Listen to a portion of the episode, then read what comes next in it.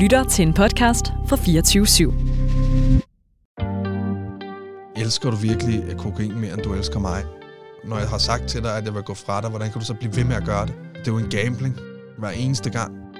Hvis du falder og brækker benet, kan du ringe 112. Så kommer der en ambulance og henter dig, og hurtigt er du hjemme igen og i bedring.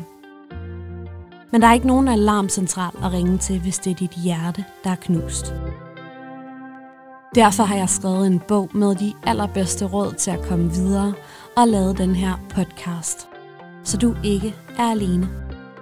En slags kærlighedsambulance, hvor jeg hver uge inviterer en gæst ind, der har fået knust sit hjerte, men er kommet ud på den anden side og er klar til at fortælle, hvordan de gjorde. Mit navn er Maria Jensel. Du lytter til 112 for knuste hjerter. Velkommen til.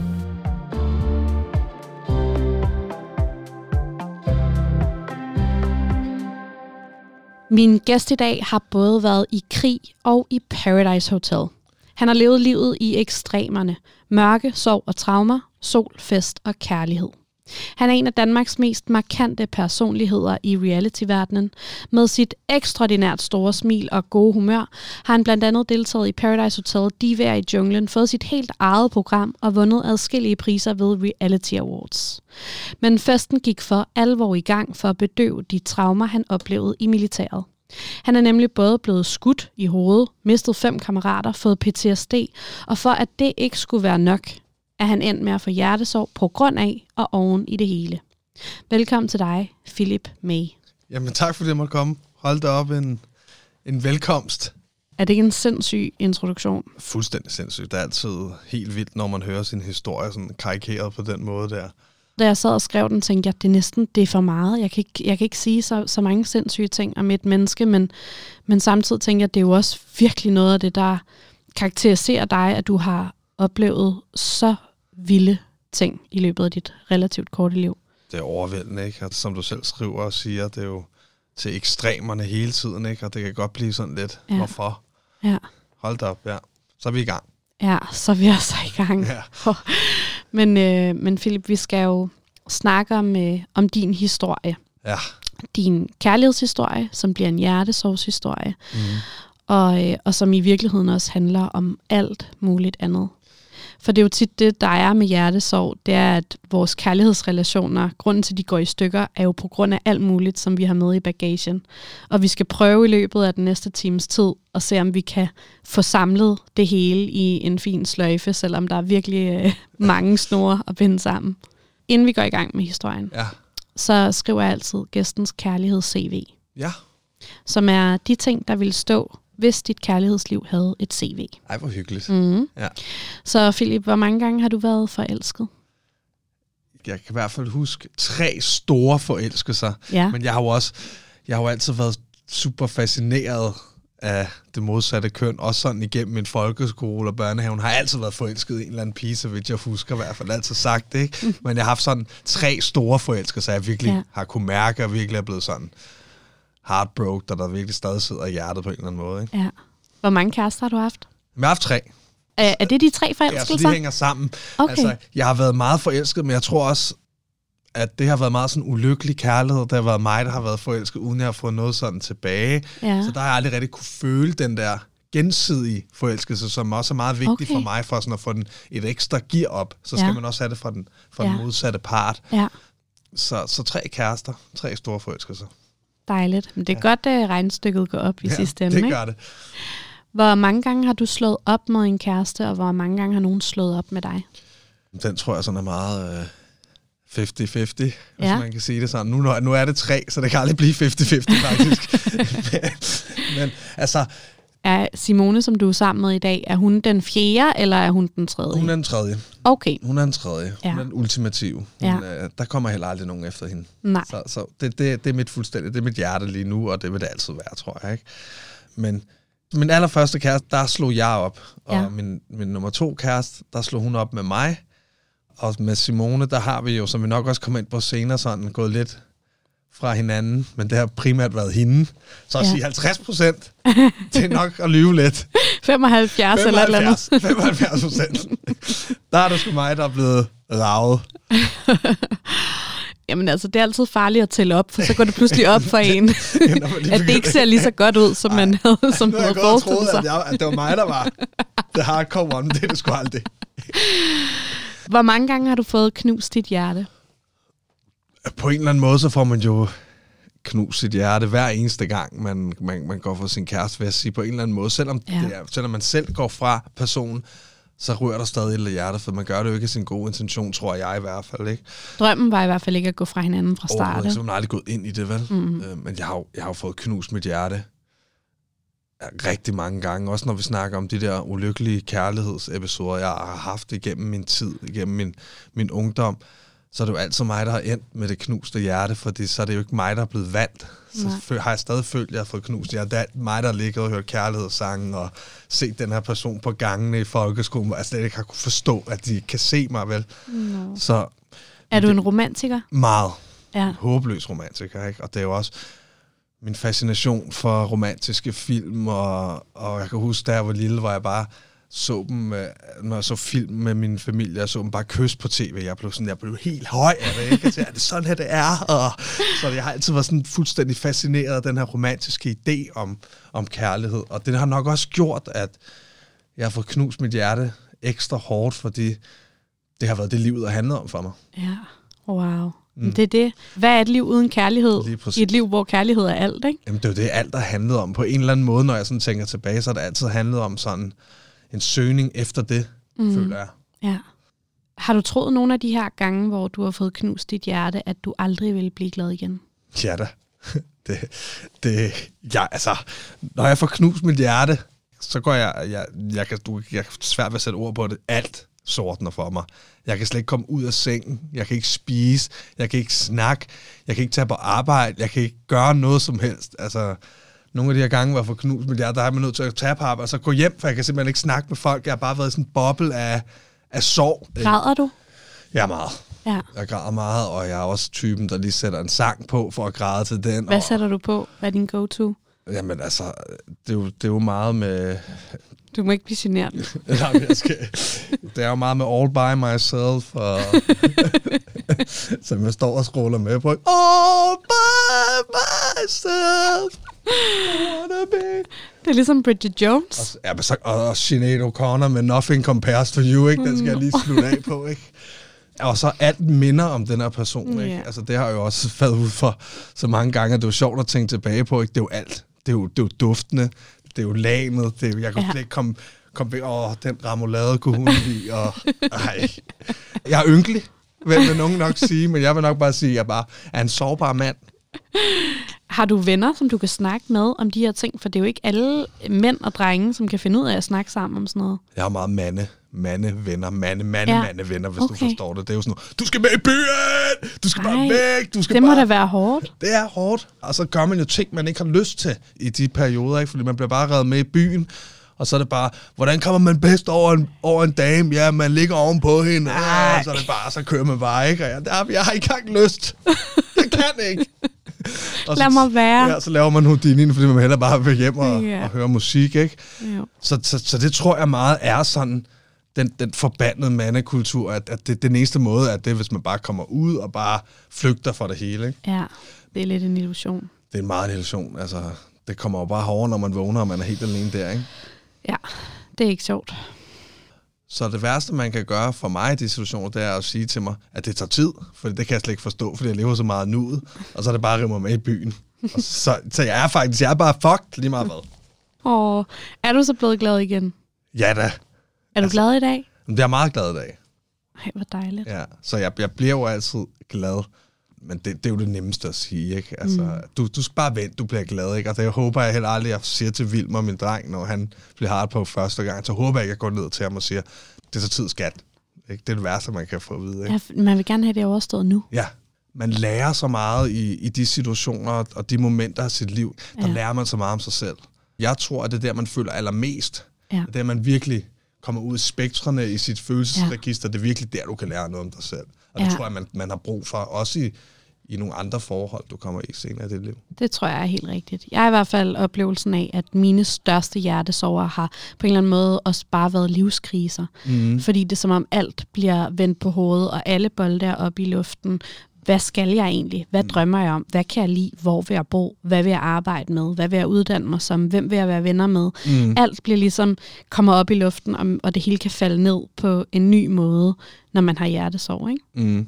Og i dag så øh, har du en kæreste. Ja, Det er Simone. yes. I har været sammen i seks år. Ja, seks år. Der mødte vi hinanden i Paradise i hvert fald for Ja. seks år siden. Og så øh, har I en søn. Ja, Hvor gammel er han? han bliver to her snart. Jeg glæder mig. Det er om tre dage. Skal I holde fødselsdag? Ja, vi holder to første dage. Ja. Han skal have to. han skal have meget kærlighed. Han skal have en fødselsdag for hvert år, han bliver. ja. Så når han bliver 13, så er det 13 Det skal han fødselsdage. da. Det skal han da. Det er bare, hvem, kommer til sidst? Det er kun mig, der kommer. Kun mig og Simone. Ah, jamen, så længe man har, har holdet, som Hold jo er jer to. Ja. Philip, skal vi ikke gå i gang med din historie? Fordi som vi teasede lidt for, så er den jo faktisk lang og kringlet. Ja. Og vi talte lige lidt om det, inden øh, vi tændte mikrofonerne, og du blev mm. faktisk helt overvældet allerede Ja. af, at, at du har gået igennem alt det her, og at Simone også har. Ja. Men øhm, jeg tænker, at vi i virkeligheden starter lidt før, at du møder Simone. For du, som du lige afslørede, møder du jo hende, da du er med i Paradise Hotel, og hun Ja. er også med. Yes. Men inden da, så er der en forhistorie, som vi skal kende for at forstå, hvad for et menneske du er, hvorfor du tager afsted til Paradise, og hvordan du har det også, når du kommer hjem igen. Ikke? Jo. Så vil du ikke tage os tilbage til... Det er meget essentielt og vigtigt for historien. I hvert fald der, hvor vi er kommet til nu. Ja, tænker jeg i hvert fald, at det, det skal med. Jo, men vi kan tage tilbage til år 2010, hvor jeg starter i militæret. Jeg skal udsendes, og tre ugers tid før jeg skal udsendes, der er med et morteruheld.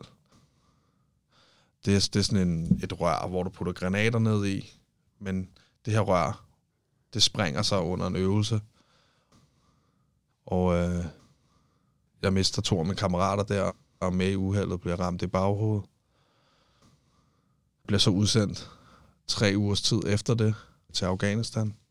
Er der i syv måneders tid. Mister tre af mine venner dernede. Oplever nogle vilde ting, bare for at sige det hurtigt. Kommer så hjem efter det. Og der er tydeligvis sket et eller andet med mig, jeg ved ikke hvad. Men øh, jeg håber bare, det går væk. ja. Det er også altså, ret sindssygt i virkeligheden, at du bliver sendt, at du bliver udsendt, altså tre uger efter at have haft den oplevelse. Ja. Det er jo en af de ting, man tænker tilbage på. Vil man måske have sagt nej, hvis man har vidst, hvad der skete efter? Men vi var bare et sted, hvor vi bare ville gøre det for drengenes skyld, ikke? Og, mm. og de ville nok have, have, at vi skulle have taget afsted. Og de havde brug for os på holdet. Vi følte os en del af en enhed. Mm. Så ja, det var rimelig vildt at tage afsted og ikke have fået bearbejdet den her sorg, som man har. Og det jo også det, der, der, der udvikler sig senere til en PTSD. Det her, når man ikke er for, for bearbejdet den her sorg og alt det, der sidder i en, så udvikler det sig. Ikke? Så når du Ja. bliver ved med at skubbe det væk, så er det bare en ballon, der springer i luften på et eller andet tidspunkt. Ja. Men du er i hvert fald startet militæret, er ude på en øvelse, Ja, som ender med at gå fuldstændig galt. fuldstændig, ja. Der er to af dine kammerater, som mister livet, Ja. og du bliver ramt i hovedet ja. af en granat og så overlever. Yes. Og så tre uger senere bliver Ja. du udsendt i Afghanistan. Ja. Er afsted i hvor lang tid? Syv måneder cirka, ikke? Ja. Ja. Og hvor du mister tre flere Ja. kammerater der. Ja. Og kommer hjem og går ikke i terapi. Nej, altså, går hjem og bliver tilbudt terapi, Ja. men jeg føler ikke, jeg har brug for det, vel? Det tror jeg da så. Hvorfor?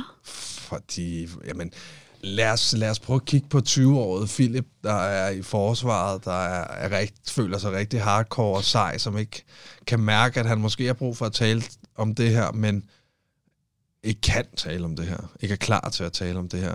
Og hvis du ikke er klar og ikke kan erkende, der er et eller andet i dig, så kommer du bare ikke nogen vej, når det mest er sådan noget at, at sådan taleterapi, du skal igennem for at kunne bebrejde mm. nogle her ting. Så i stedet for at tage terapi, så rejser du til Mexico. Vil du lige bare fortælle, sådan, hvad er din idé om, hvorfor skal du til Paradise nu? Ideen om, jeg skal til Paradise, det starter faktisk med et heartbreak. for, Ja. for at være helt ærlig, så starter det med, at, at jeg er lidt heartbroken, og, og, og hvordan, hvordan, øh, hvordan kommer jeg videre over det her? Jamen, jeg prøver at melde mig til Mexico, ikke? Ja. Jeg prøver at tage den vej. Er det en flugt? Det er 100% en flugt. Når jeg, når, jeg, når jeg tænker tilbage, så er det den her undgåelse, jeg har, jeg har været i gang med lige siden jeg kom hjem fra, fra Afghanistan. Der har jeg prøvet at flygte, prøvet også at køre den til ekstremerne, ikke? Prøve hele tiden at, for, at kunne tænke på noget andet. Så Paradise er det ultimative, jeg tænker, nu, nu nu skal jeg bare væk, nu skal jeg ikke tage stilling til noget, nu må jeg ikke have de her tanker, nu må jeg ikke komme ned i et eller andet sort hul, fordi jeg skal bare væk. Jeg skal ikke have den her dårlige samvittighed. Nej. Og den ultimative modsætning til krig må jo være Paradise Hotel. Det er det. Det er jo, det er jo fest og farver, og, og alt er godt, og du skal ikke rigtig tage stilling til noget i løbet af en dag, fordi du bare, du bare er der. Nu er vi jo fedt. kommet hen til kærlighedsdelen ja. i fortællingen. Fordi du møder jo en pige i Paradise Hotel. Det gør jeg jo nede i Mexico, hvor jeg, hvor jeg siger til mig selv, altså hele min plan, det er, at jeg skal ikke blive forelsket. Og så ser jeg Simone, og det gør jeg allerede den første dag er dernede, og så, så ved jeg, det, det kommer ikke til at ske. Er, du altså, er det kærlighed ved første blik? Vi er næsten derovre. Jeg har jo beskrevet min, min drømmekvinde, og hun, og hun sidder der, ikke? Og jeg tænker, fuck, shit, ikke? Og jeg kan jo allerede mærke, at jeg skal dog nok snakke med hende. Så begynder sommerfuglene, så begynder altså hele den her fascination af det her andet menneske, det begynder bare at boble ind i mig. Jeg kan slet ikke styre mig, og jeg kan mærke, åh oh, nej, nu sker det igen, Philip. Hvad gør vi? Og vi ender jo faktisk derud, hvor jeg bliver nødt til at smide hende hjem dernede fra. Hvorfor? Fordi jeg, ellers bliver jeg forelsket i hende, og så kan jeg ikke Nej. tænke på mig selv, så vinder jeg ikke. Nej, Så jeg smider hende hjem jo. nej, hvor Jo. sindssygt. Ja. Hvad, mm, kommer hun så tilbage? Hun kommer tilbage. Ej, for så, jeg helvede. op. så smider jeg, så, Så er det skæbnen. så er det skæbnen, og så gør jeg jo alt i min magt for, at hun skal komme langt i det her spil. Om det må koste, hvad det vil. Jeg har dårligt samvittighed over at smide hende hjem, og hun ender også med at vinde, så det var jeg også rigtig glad for. Men vi ender også med at finde hinanden, efter hun kommer tilbage. Ja. Så I bliver, bliver I kærester inde på hotellet? Ja, vi bliver Paradise-kærester, som du vil kalde det for, Ja. da hun kommer tilbage igen Ja. anden gang. Ikke? Jeg synes, det er virkelig nuttet, at du smider hende hjem, fordi du gerne selv vil vinde. Ja. Hun kommer tilbage, du har så dårlig samvittighed. Nu er du sådan her, fuck det, jeg skal ikke vinde, du skal vinde. Ja, lige præcis. Det er, det, jeg sætter i hvert fald hende højere, end jeg gør med mig selv. Hun bliver min ultimative første prioritet til at vinde. Jeg vil selvfølgelig gerne vinde med hende, ja. Ja. men hun skal stadig sikres, før jeg skal sikres. Jeg har så dårligt som Jeg kan ikke mere. og alle derinde, de går jo og siger til mig, at Philip, hun vil smide dig hjem. Hun vil smide dig hjem, fordi jeg har jo smidt hende ud. Men Jeg kan ikke se det. Hendes plan var i starten at smide mig hjem, men hun, den ændrede sig ikke. Men jeg kunne slet ikke se det. Jeg var sådan, så lad hende smide mig hjem. Ja. Jeg er forelsket! Hun må gøre alt. Hun gør alt. Jeg har også fortjent det. Jeg, jeg vil ikke kunne blive sur på hende, lige hvad hun gør imod mig. Nej. Overhovedet. Er hun også forelsket dig? Det tror jeg, hun bliver. Altså, jeg tror også... Øhm, jeg, jeg, jeg, tror, at det, det tager lidt længere tid for hende at blive forelsket, end det gør for mig at blive mm. Forelsket. Jeg tror, det er, lidt, det er måske lidt, lidt, lidt større for hende, end det er for mig. Og jeg tror også, måske hun er lidt sådan...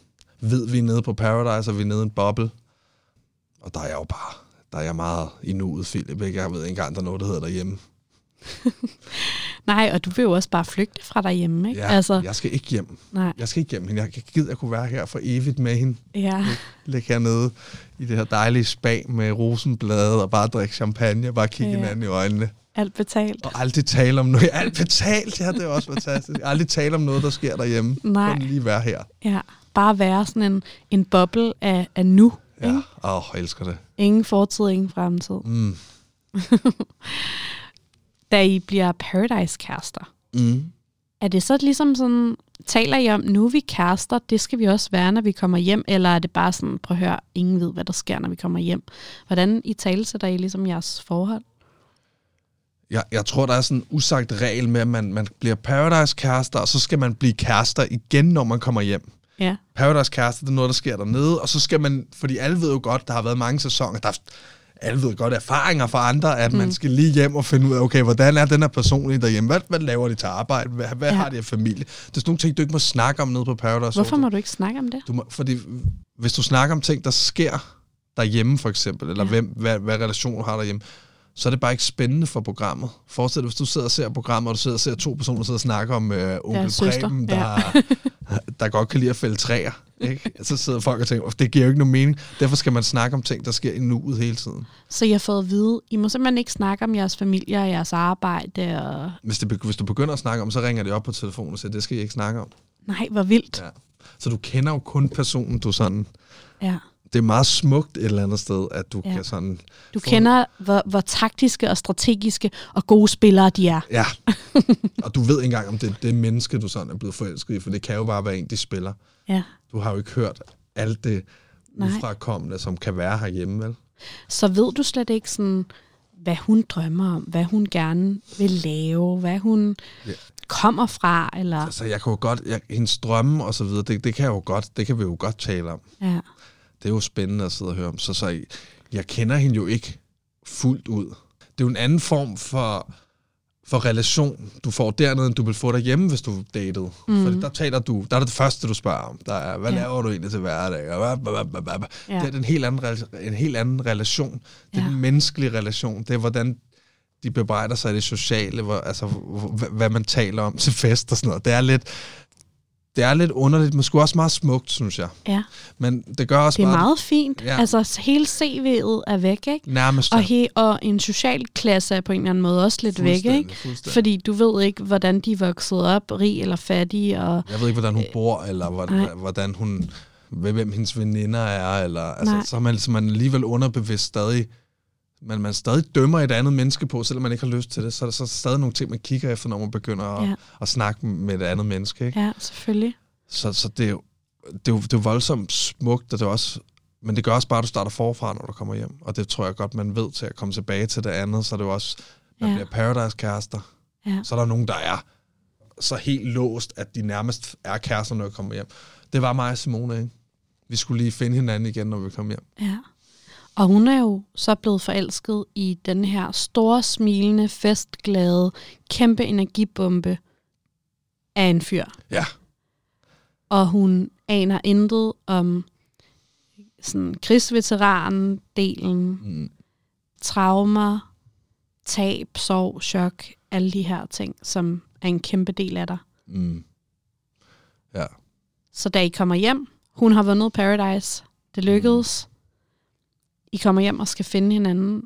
Hvordan gør I det? Har I sådan den store samtale, da I kommer hjem? Sådan, okay, hvem er du egentlig? Jeg tror allerede, at vi kommer hjem, der begynder hun at få nogle ting at vide, ikke? Af andre, sådan, at jeg måske tager lidt stoffer, og, og, og jeg, er lidt, og jeg er sådan lidt uterrenelig, når vi er herhjemme og sådan noget. Ikke? Det begynder hun at få lidt at vide, så, så, så det, det, det er som om en, en tid, efter vi kommer hjem i nogle par uger, så er det sådan, der skal hun lige finde rundt i det hele og lige lande, og, og, og jeg, jeg kan ikke rigtig forstå, hvad der, sådan, hvad der sådan sker. Jeg vil bare gerne være kærester, ikke? Ja. Og hun begynder bare at få at vide, hvem folk i Danmark synes, du er. Ja, det får hun at vide rigtig hurtigt, når folk finder at vide, at hun er sammen med mig. Ikke? Så folk er allerede hurtige til at fortælle, hvem jeg er Ja. til hende. Og det er jo meget naturligt, at man bliver påvirket af det. Fordi Mm. mm. hvem er den Philip, hun er vild med lige pludselig? Hmm. Og det vil jeg jo gøre alt for at bevise, at jeg stadig er herhjemme. For det er jo den person, jeg er. Men herhjemme, der er der bare alle dæmonerne. Ja. De kommer rigtig hurtigt. Det her med stoffer, Mm. som hun hører, at du tager stoffer. Vil du ikke prøve at fortælle om, hvad, hvordan gør du det, og hvad, altså sådan, hvad er omfanget af det her? omfanget af, at, øh, at herhjemme i Danmark, der, der, skal, der, der flygter jeg. Og det gør jeg, når jeg så tager jeg på nogle drukture, hvor jeg drikker og tager kok, sniffer kokain, ikke? Og det gør jeg jo et, et, et par dage, sådan, og det, jeg fester jo meget, og Altså nogle dage om ugen, eller? ja, det er, hvad? nok, det er sgu nok nogle dage om ugen, for at være helt ærlig, ikke? Vi er Ja. på det tidspunkt der. Det fylder nok mere, end jeg selv lige kunne se. Hmm. Det er jo den eneste måde, jeg sådan kan, kan leve. Min måde at overleve på. Det er måden, jeg sådan, jeg kan være til stede de andre hverdage, det er ved at, at kunne, kunne komme væk fra mine tanker nogle af dagene. Så, så vildt det lyder, jeg, når jeg sidder og snakker om det nu, så er det jo helt sygt, at det er sådan, det har været. Hvor bevidst er du omkring på det her tidspunkt, at det er det, du gør? At du selvmedicinerer, at du flygter? Slet ikke bevidst om det. Slet ikke bevidst om, at jeg har, har en PTSD, slet ikke bevidst om, at jeg har et misbrug. Det er bare sådan, det er. Det Ja. gør mine venner jo også. Ja.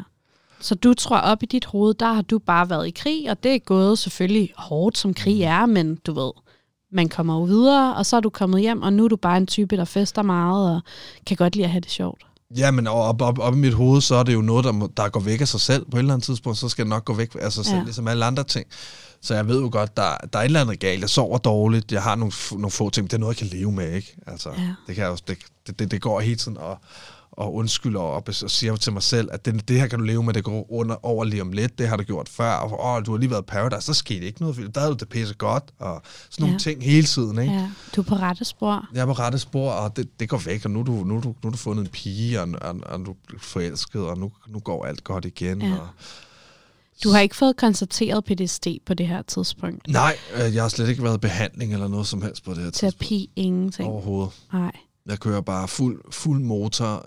Har du mareridt? Ja, Sådan noget, hvor du genoplever dine... flashbacks, mareridt, ja, fuldstændig, ja. Kommer i, i, i perioder, ikke? Ja, Jo, jo, jo mere stresset perioder jeg er i, kan det komme, ikke? ja. Og så alle tingene er der den her undgåelse af ting, ikke? Øh, undgåelse, der minder mig om det. Flashbacks og... Ja. Men du vil bare gerne være kærester med Simone. Jeg vil bare gerne være kærester med Simone.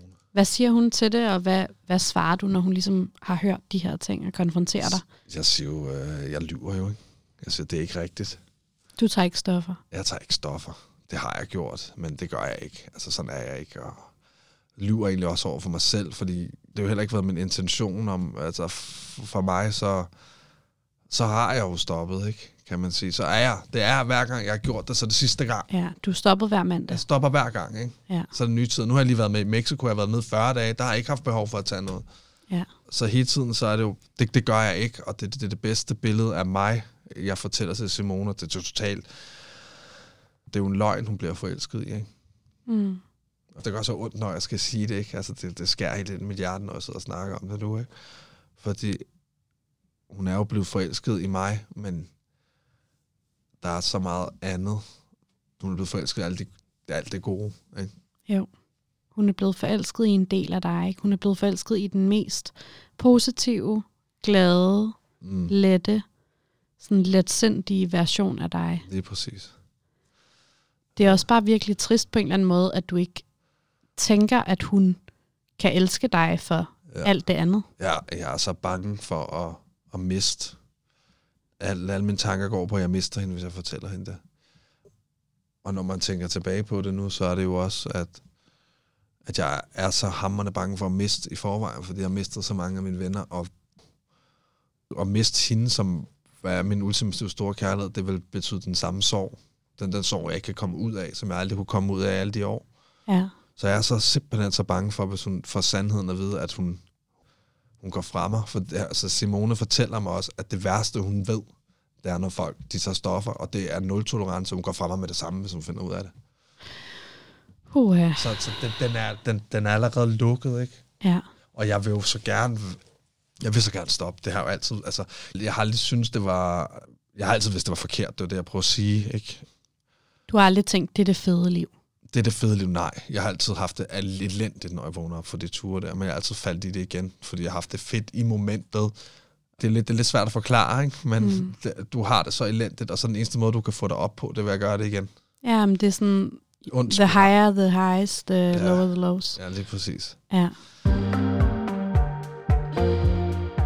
Mænd bliver mere påvirket af problemer i parforholdet, end kvinder gør. De lider simpelthen mere under konflikter og under dårlig stemning. Til gengæld så lider kvinderne mere fra det øjeblik, man rent faktisk går fra hinanden. For kvinderne påvirker det dem mest, hvorvidt de er i et forhold eller ej. Det lyder unægteligt som en kæmpe generalisering, men det er ikke desto mindre hvad et amerikansk studie med 1000 ugifte mænd og kvinder mellem 18 og 23 år viste. Der går jo faktisk nogle år, hvor I er sammen Ja. og slår op, Ja. og du lyver, og hun finder ud af noget, og Ja. du må indrømme lidt. Og sådan, vil du ikke prøve at fortælle lidt om, om den tid? Altså, hvordan er jeres relation her? Altså, den tid, det er jo... Det det er jo tillidsbrud på tillidsbrud fra, fra min side af, ikke? Det, der holder det op, det er jo Simones også enorme forelskelse til mig, til, til den person, hun ved, jeg er. Ja. Hun blev ved med at tilgive, og jeg bliver ved med at sige, at jeg stopper, og jeg prøver jo ikke, men jeg falder i igen, og jeg tror, det er noget, jeg selv kan klare, og, og hvor meget kan hun egentlig støtte mig i det her, når, hun ikke, når jeg ikke rigtig fortæller hende om noget, og vi kommunikerer ikke om det, og det er jo alle de ting, der, der går galt i et forhold, når man ikke snakker om ting. Jeg kan ikke snakke om det. Jeg ved ikke, hvorfor jeg gør det. Jeg ved ikke, hvad, hvad fanden der er, der er galt med mig. Altså, jeg, jeg er en idiot, og jeg bunker mig selv i hovedet, og det ødelægger vores forhold, fordi så begynder jeg at skubbe hende væk, fordi jeg har så dårlig samvittighed over de ting, jeg gør, og, og de løgne, og, og alt, holde ting skjult. Og... Så i virkeligheden så, altså på det her tidspunkt, der ved hun bare, at du har været i militæret, men hun ved ikke noget om dine traumatiske oplevelser. Du har ikke selv sat lighedstegn mellem, at det er derfor, at, at du gør det. Nej. Så hun må vel også bare tænke, hvorfor kan du ikke bare stoppe? Altså, hvorfor kan du ikke bare lade være, hvis det bare er en weekend-ting, hvis du ikke engang er rigtig afhængig, ja. eller altså...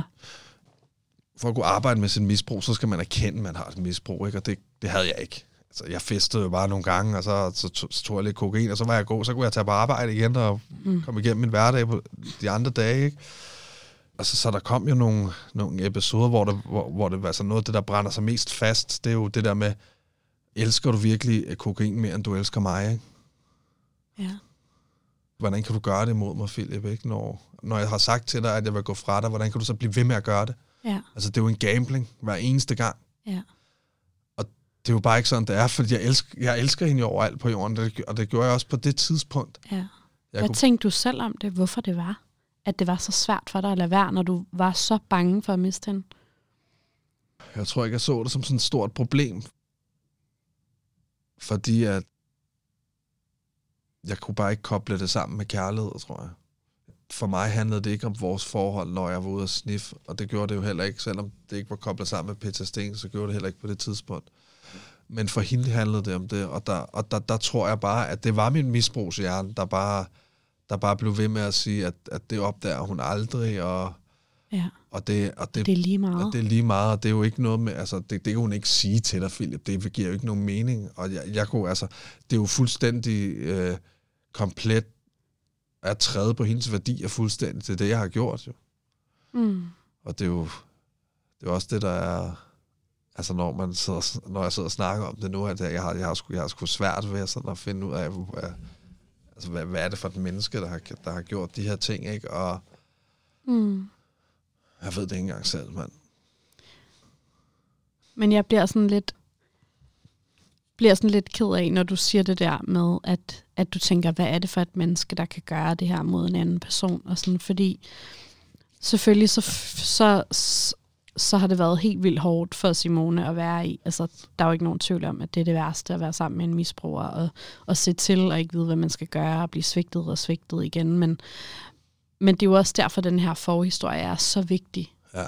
Fordi du var jo aldrig nogensinde kommet ud, formentlig, i det her misbrug, hvis ikke det var fordi, du havde brug for at selvmedicinere dig mod noget af det mest traumatiske, man overhovedet nogensinde kan opleve som menneske. Mm. Jamen, det, det, har du også, det har du også ret i. Men jeg kan sgu ikke komme, uden, komme udenom, der er stadig en vis form for skam med, med, med alt det her. Og det er jeg sikker på, at noget, der tager tid at, at komme udenom. Og så ved jeg godt, der, der, der måske er en, er en stor grund til det. Det er det også, og jeg er ude af alt det her nu, og det er jeg også rigtig taknemmelig for. Og jeg synes selv, jeg er pisse sej, men der er stadig nogle ting, hvor jeg sådan, der gør, det gør sgu ondt at tænke tilbage på. Mm. Fordi at, at det, det, det vil jeg slet ikke kunne se mig selv gøre nu. Vel? Nej. Også fordi du er så stor en romantiker, som du Ja. lige har fortalt, ikke? Så, så ligesom ikke at passe på den store kærlighed med alt, hvad du har, Mm. er jo på en eller anden måde meget ulig dine egne værdier, ikke? Det var derfor, det var sådan to fuldstændig parallelle verdener. Ikke? Der var mit, mit festliv, og det vil jeg helst ikke have hende ind i, fordi det er der, jeg Ja. flygtede. Ikke? Ja. Det, der handlede det om stoffer, der handlede det bare om at komme væk, ikke? og så var det hverdagen, hvor at det bare var hvor det bare skulle være kærlighed, ikke? Og det, er jo, ja. det, det går jo bare ikke, altså. Det, det er jo, Nej. de verdener, det bliver blandet sammen på et eller andet tidspunkt. ja. Hvis du ikke lige svarer i tre dage, så er det sgu da klart. Når hun ligesom slår op med dig, Mm. For hun slår jo op med dig nogle gange, og så lover du hende guld og grønne skove, så ja. kommer hun tilbage. Og har du hjertesorg i de her år, hvor det står på? Ja, for helvede, det har jeg da. Og en frygt. Inderst inden ved jeg nok godt på de her, på de her tidspunkter, at jeg kommer til at gøre det igen. Ja. Spørgsmålet er bare, hvornår, ikke? Og jeg har jo lige lovet hende, at, at, at det gør jeg aldrig nogensinde igen. Og jeg kæmper og kæmper og kæmper. Men alligevel så er det sådan en ond spiral, der bliver ved med at, at komme op igen, og jeg, og jeg bliver ved med at gøre det igen, og det er simpelthen for dumt. Og jeg er så heartbroken, ikke, at jeg vil at jeg vil, jo, jeg vil jo give hende alt, for hun kan tage mig tilbage. Fordi det er jo ikke mig, det her. Og det, det ved jeg jo godt. Det, altså, Ja. jeg ville kunne forstå, hvis hun, hvis hun gik fra mig, fordi hun ikke kunne lide mig. Ja. Hvis det var min person, hun ikke kunne lide. Hun kunne ikke klare at være sammen med mig mere. Men det er jo mit misbrug, hun ikke kan lide. Ja. Det er jo det, jeg gør. Det er ikke. Ja. hvem jeg er. Det er det, der er så det her... Jeg kan ikke få afslutning i mit hoved under de her seancer, under det her heartbreak, fordi det, jeg føler stadig, at vi skal være sammen for evigt. Det, jo, det, det skal nok gå over det her agt, ikke? Og Ja. det er jo også... Men for hende er det jo tilliden, der, der er brudt. ja. Det er jo, jeg har løjet jo.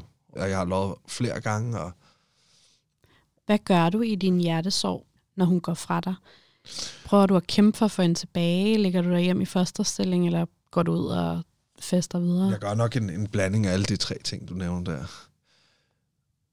Jeg fester nok, og så går jeg hjem i fosterstilling dagen efter, og så prøver jeg at få hende tilbage. Ja. Jeg prøver at feste, men jeg ender nok med at tage hjem, fordi jeg er så heartbroken, ikke? Og så ligger jeg mig i fosterstilling, så skriver jeg lidt lange romaner, og sletter dem igen, og skriver det igen, og sletter, og så okay, jeg sender den her kærlighedserklæring, og Hvad skriver du så? Oh, jo... Jamen, altså...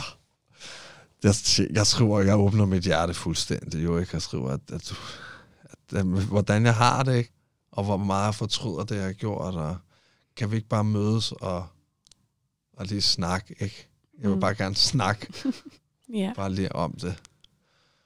Hun er jo det, der betyder mest i hele min verden, ikke? Og det er jo, det er jo, det er jo også det, der går op for en, når sådan nogle ting sker, ikke? Altså, Ja. Jeg har jo, har jo prøvet et par gange. Kæmper. Kæmper virkelig for kærligheden. Hvordan Ja. kæmper du? Jeg gør alt, hvad man nu kan, når man kæmper. Ej, det, det skal jeg jo passe på, det ikke lyder helt psykotisk, for det, jeg tror, man er en eller anden form for psykose, når man har et heartbreak. Det er man jo. Man tænker jo slet ikke rationelt, vel? Nej. Det er jo Men- alt. Altså, det er jo... Jeg skriver til hende, og der kommer blomster, og virkelig skruer op for, for alt, der kan skrue op for, ikke? Altså, når jeg så endelig ser hende, så er det jo for omklamrende, ikke? Så er det jo... så må jeg ikke nok kramme dig, må jeg ikke nok kysse dig. det er jo helt sygt, ikke? Men jeg er et andet menneske. Ja. Det er det eneste, der foregår i mit hoved. Det er Simone. Jeg kan, jeg kan ikke få hende ud. Hvis jeg går på Facebook, eller Instagram, eller et eller andet, åbner min telefon, så er det hende, der kommer frem, ikke? Og det er jo lige meget, hvad jeg gør, at duftene, alt, alt er bare hende, ikke? Ja. Køleskabet, det står, som hun har sat, og jeg kan... Alt minder mig bare om hende. Hvor mange gange går I frem og tilbage mellem hinanden her? Hvor mange gange siger hun, nu er det nok, og hvor mange gange tilgiver hun dig igen? Der er jo mange gange, hvor, hun, hvor, hvor, vi, hvor vi snakker om det, ikke? Altså, som man gør i, i forhold, ikke? Der er jo også, altså, det er jo, det er jo sket to-tre to, tre gange, de her store breakups, ikke? Hvor vi er gået ja. fra hinanden, og så alligevel, så, så har vi sådan set hinanden sådan hurtigt igen og fået snakket om. Der er blevet gode venner, så vi har altid været gode venner i det. Mm. Vi er ikke sådan øh, gået fra, hin, fra hinanden som dødsfjender. Der kommer øh, det sidste afgørende og virkelig, virkelig vigtige brud. Ja. Ja. Vil du ikke fortælle om, hvad det er, hun siger til dig der? Der kommer, der kommer ultimatum. Rådet. Det er der, hvor hun siger, at øh, Philip enten så starter du i et misbrugscenter, ringer til et misbrugscenter, eller så skal vi aldrig nogensinde være sammen igen. Og der er vi på et tidspunkt, hvor at vi hænger i vi hænger i det sidste. Ja, Altså nu er vi derude efter, efter tre års tid, hvor at vi, det er den tyndeste tråd. det kan ikke blive ved. Nej. Vi elsker hinanden overalt på jorden. Vi har det rigtig godt sammen, men der er bare de her ting, som bare gør, at vi kan ikke blive ved.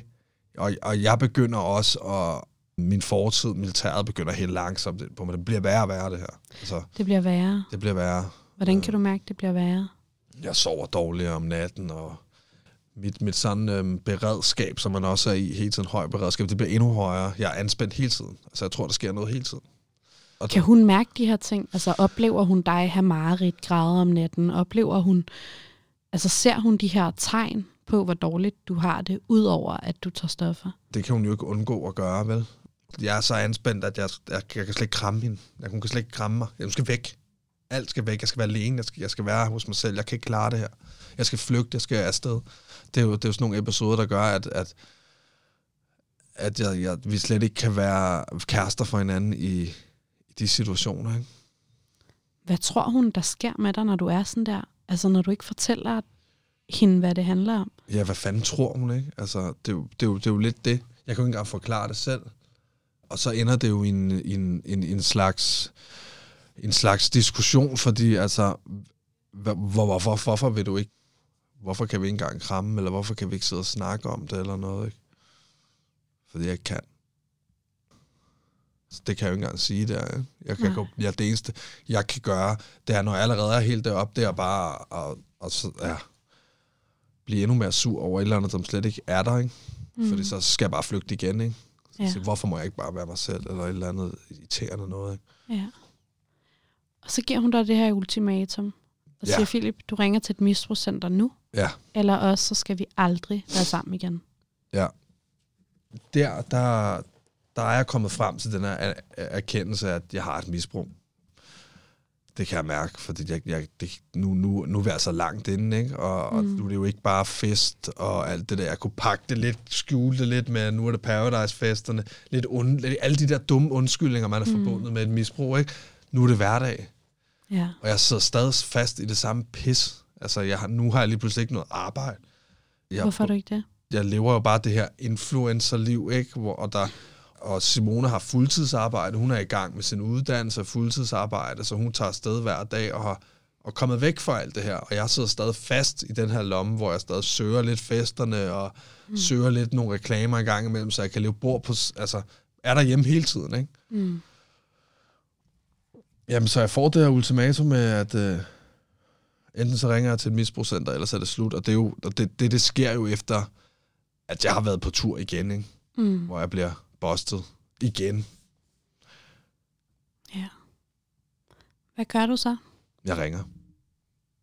Jeg ringer til misbrugscenteret, og Foran hende? nej, jeg ringer selv. Jeg ringer selv, mens hun er på arbejde. Ja. Så jeg ringer til misbrugscenteret, og, og så får jeg en tid med det samme. Jeg fortæller, hvordan jeg har det, og hvad der sker. Og, og så kommer jeg derop dagen efter, tror jeg, og begynder et forløb derop. Hvordan er det? Hvad sker der der? Før det, der havde jeg meget sådan, der havde jeg aldrig tænkt om, hvorfor jeg gjorde det, selvom det er sådan, det, det er jo meget rationelt at tænke, hvorfor Mhm. mm. jeg gør ting. Det har jeg aldrig tænkt over, hvorfor jeg så stopper. Jamen, det, er jo, det gør jeg jo, fordi så, Det er sjovt. det er sjovt, og jeg kan feste længere, men hvorfor gør du det egentlig? Ja. Og det var de spørgsmål, jeg begyndte at få derop, og vi begyndte sådan at finde ud af, at hun er, misbrugskonsulenten var så god til at, sådan at, at forklare, at der er en grund til, at man gør ting. Og vi skal Mm. bare finde ud af, hvorfor du gør det, for så kan vi arbejde med det, Philip. Ikke? Ja.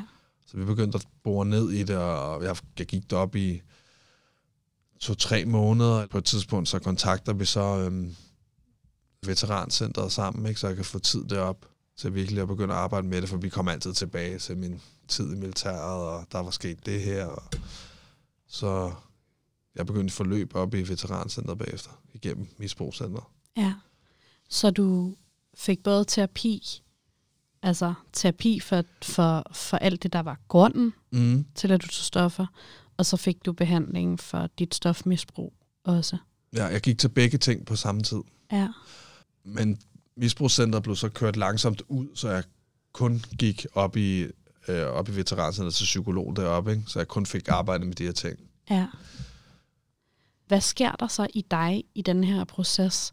Altså, er det der, du begynder at få en åbenbaring og en erkendelse af, hvad, hvordan det hele hænger sammen? Alle de her år, de sidste år af dit liv, som, hvor du bare ikke har kunnet få det godt, lige meget hvor meget du har prøvet. Det er jo første gang, jeg sådan... Jeg tror, jeg erkender, der er noget... at jeg skal have hjælp, ikke? Ja. at der er noget galt med mig. Og så er det første gang, at nogen sådan føler, at jeg måske tager mig seriøst i hele den her rejse, jeg er i, ikke? der lytter til mig, der forstår mig. Det er jo ikke, fordi der ikke er nogen andre, der forstår mig, men det er jo bare svært at, at snakke om noget, som man, man, er, man ikke føler, at andre forstår, hvis, Ja. hvis det overhovedet giver mening. ja, alle har jo ikke oplevet at nej. være i krig og opleve de ting, du har. Det jo- Men det har de jo netop på det er, jo, veterancentret. det er jo lige det, de har jo snakket med andre som, som mig et eller andet sted, ikke? Altså, så, mm. så, så, vi begynder, jeg begynder at kunne få noget terapi, og begynder at kunne snakke om, om de her ting, som jeg aldrig har kunne snakke om, og begynder at finde ud af, at kunne sætte en diagnose på, hvad jeg egentlig går og bokser med, så man kan gå ind og, og arbejde med det, ikke? Mm.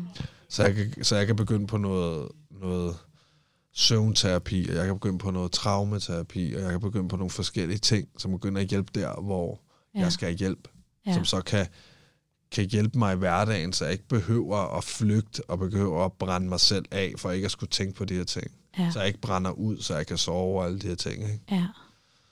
Og du får konstateret PTSD der. Ja, jeg kommer så til, til psykologerne må jeg ikke gøre det, jeg kommer til så til psykiater og få konstateret PTSD. Ikke? Ja. Cirka 1% af hele verdens befolkning lider af PTSD, altså posttraumatisk stressforstyrrelse. Og det betyder faktisk, at 50.000 danskere har PTSD lige nu.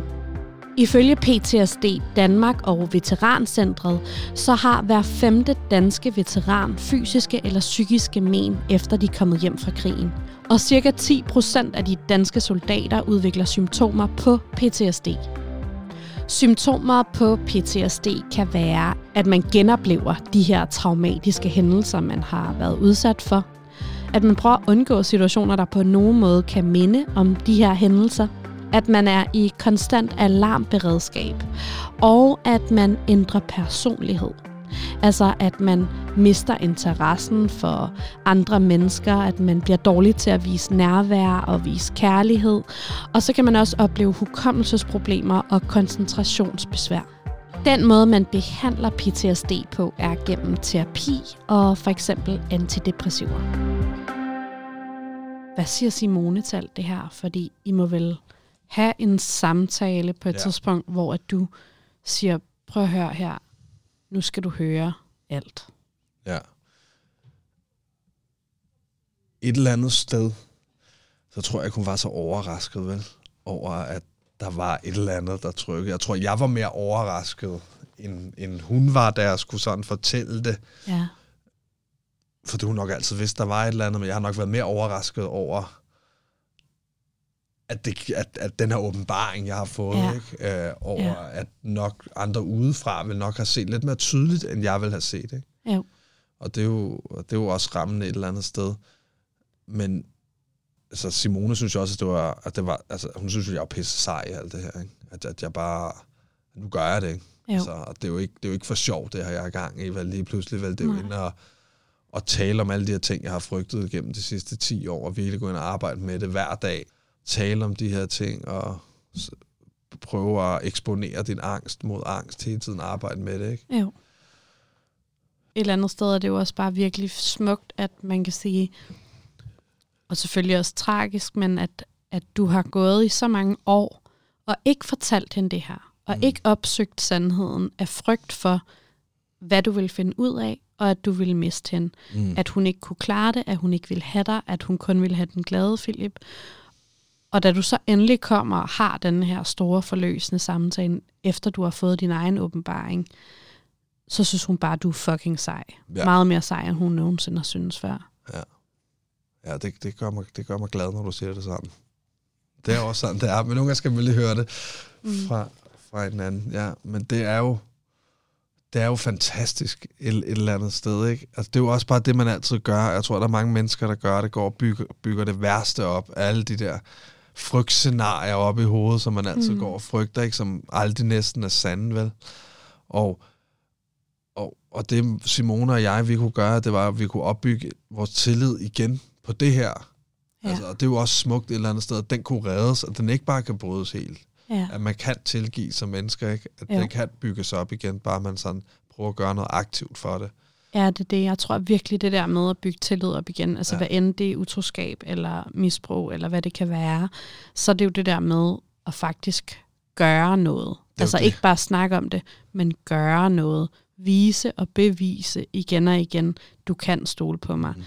Og det er jo så det, du gør ved at starte i terapi, mm. ved Mm. at starte øh, til traumaterapi, til f- psykiater, i misbrugscenter, alle de her, he, hele det her spor af forskellige veje, som du går ned af for at få det bedre, det er jo dit bevis mm. Over for hende på sådan, jeg vil have det godt med mig selv, men jeg vil også gøre dig glad. Mm. Jamen, det var jo også lige pludselig terapi for mig selv, ikke? Altså. Mm. det, det startede jo med en motivation, og så blev det jo til fuldstændig terapi, at, at det, det kan virke, det her. Ikke? Ja, Altså, det, det kan ja gøre så du startede i virkeligheden med at gå til det, bare for at vinde hende tilbage. Ja, altså, at jeg, der, jeg, jeg, det var lige præcis det. Det var motivationen, ikke? Ja. Det var ultimatumet. Der skal jo motivation til at gøre noget. Ja, Og så, at det, at det så kunne virke, at det så kunne rykke noget, Ja. at det så gjorde det, Ja. at det så gjorde mig til et bedre menneske, og det så gjorde mig til en bedre far, og det så gjorde mig til en bedre mm. kæreste. Det er jo bare fuldstændig fascinerende et eller andet sted, ikke? jo, At, hun havde ret. Ikke? ja. Og det gør han jo bare til... Jeg vil ikke sige, at jeg er evig gæld til hende, men det er næsten, ikke? Altså, havde jeg nogensinde nået derhen, hvor jeg havde ringet til et misbrugscenter eller veterancenter? Nej, det havde jeg sgu nok ikke. Jeg havde sgu nok været ude og blæse min hjerne væk lige nu. ja. Har ikke været far, ikke? Ikke haft en familie. Ikke haft en familie, og Mistet dit livs kærlighed. jeg har ikke haft noget arbejde eller noget som helst. Vel? Nej. Stadig levet af os måske sælge trusser på Instagram, ikke? Det er jo ikke nogen, der gider. Brugte trusser. Ej, Køb altså... Mads brugt trusser! det er der, vi er nu. ej, det vil være lidt trist, ikke? Ikke? Jo. Jo. Jeg synes, det er en bedre situation, vi står i nu. Mm. Hvordan øh, kommer du over sådan din hjertesorg? Altså, fordi jeg tænker, du har, I har jo på en eller anden måde også været sådan i konstant hjertesorg, begge to. Mm. At da du så begynder at forstå, hvem du er, og hvorfor du har gjort, som du har gjort, så må der også være en proces, hvor I ligesom skal finde hinanden igen, og finde forelskelsen, og finde trygheden, og Mm. komme over jeres sorg og jeres svigt og alt det her. Ja, der var jo så mange, altså, der var jo så mange følelser forbundet med alt det her. Også at jeg, jeg kunne begynde at føle igen. Altså, Mm. jeg har jo selvmedicineret mig selv for at ikke at kunne føle noget, kan man sige. Ikke? Og Ja. lige pludselig kunne jeg føle alle de her store følelser igen.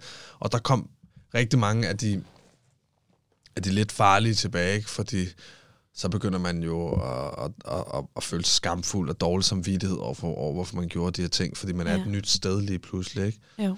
Så altså Simone og jeg, vi skulle også finde hinanden igen, og jeg skulle et eller andet sted stadig bevise, kan man sige med gåsøjne, at, at jeg var et andet sted. Ja. Altså, det, er jo- det er jo også det, at tiden bliver Hver bygget. weekend skulle du bevise, og den her weekend har jeg heller ikke taget nogen stoffer. Et eller andet sted, så, så var det sådan, det var i starten. Det er jo slet ikke sådan, det er mere, og det er jo det, der er så fantastisk. Ikke? Altså, Mm. lige, lige nu, der stoler hun på mig. Ja, hun, hun har aldrig stolt mere på mig, tror jeg. Det er også, fordi der er slet ikke noget, vel? Og det er, jo, Nej. det er jo der, man kommer til på et tidspunkt, ikke? Jo. Så, så der, der er det 100% noget, der skal bygges op. Det er det, når der har været et tillidsbrud, så skal det ja. bygges op, ikke? Og man skal lære hinanden at kende på en anden måde lige pludselig. Og din sådan skam og skyld i forbindelse med alle de her brud, Mm. den kommer først der, hvor du stopper med at tage stoffer. Ja, den kommer, når jeg begynder at kunne, kunne, kunne tænke tilbage på de her ting, og begynder at, Ja. virkelig at, at, at kunne reflektere over, hvordan hele den her situation har været, og hvad jeg har, har, har gjort mod et andet menneske, og hvad jeg har gjort mod min familie, og hvad jeg har gjort mod mine venner. Ikke? Altså, så, mm. alle, så alle den her succesfølelse, der er forbundet i at, at overkomme alle de her ting, den er der også, men der er jo stadig alle de her ting, som også lige skal ind op, og, op på plads i dit sind. Ikke? Så heldigvis så havde jeg rigtig mange gode snakke med min psykolog, så jeg kunne få placeret de her ting rigtig godt, ikke? og det har jeg også fået gjort. Og så mange gode snakke med Simone, som også har været vigtigt, at, så vi kunne få placeret det her forhold Ja. ja. ordentligt. Ikke? Og det var også det, der gjorde, at, øh, at vi blev enige om, at vi skulle være forældre. Ikke? Altså, det er jo ikke bare noget, man sådan... Nej. Hvornår gør I det? Hvor lang tid går der efter, at du er blevet clean og har fået din store åbenbaring, til at hun... Jamen, det, Bliver det, gravid. Det, det, det, er jo- det er jo næsten på samme tid, kan man sige. Det er det faktisk. Hun, bliver, hun smider p-pillerne, og så sådan tre måneder efter, der bliver hun gravid. Ikke? Ja. Og så er det der, jeg er sådan, okay, så nu, Philip, ikke? nu kører vi, så skal vi ud og have et fuldtidsarbejde, nu skal vi have hus, og jeg begynder, det kan det, så bare klikke i min hjerne, så jeg går ud og finder Ja. fuldtidsarbejde, den dag hun bliver gravid. Og så begynder jeg bare, så skal der struktur, nu skal der andet liv stoppe, Ja, og så kører den bare derud af. Så bliver far for den dag, hun bliver gravidagtig. ja. Og mit mindset ændrer mig fuldstændig. Eller er du nogensinde bange for at falde tilbage i det? Nej, for det, det, det, det, det tror jeg ikke, jeg gør.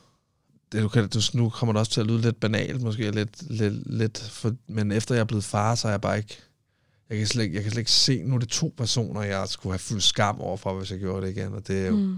og det er jo både Vilma og Simone. Jeg kommer ikke tilbage, fordi jeg har fået bebrejdet de her ting til, hvorfor jeg gjorde det. Ja. Så der er ingen grund til at gøre det. Hvordan har du det i dag med din PTSD og dine traumer? Det er jo noget, der altid er der. Altså, det er jo, det er jo, jeg har arbejdet rigtig godt med det, men det er noget, der altid sidder i mig, men jeg, jeg kommer igennem min, min hverdag uden sådan at skulle være i overlevelse hele tiden.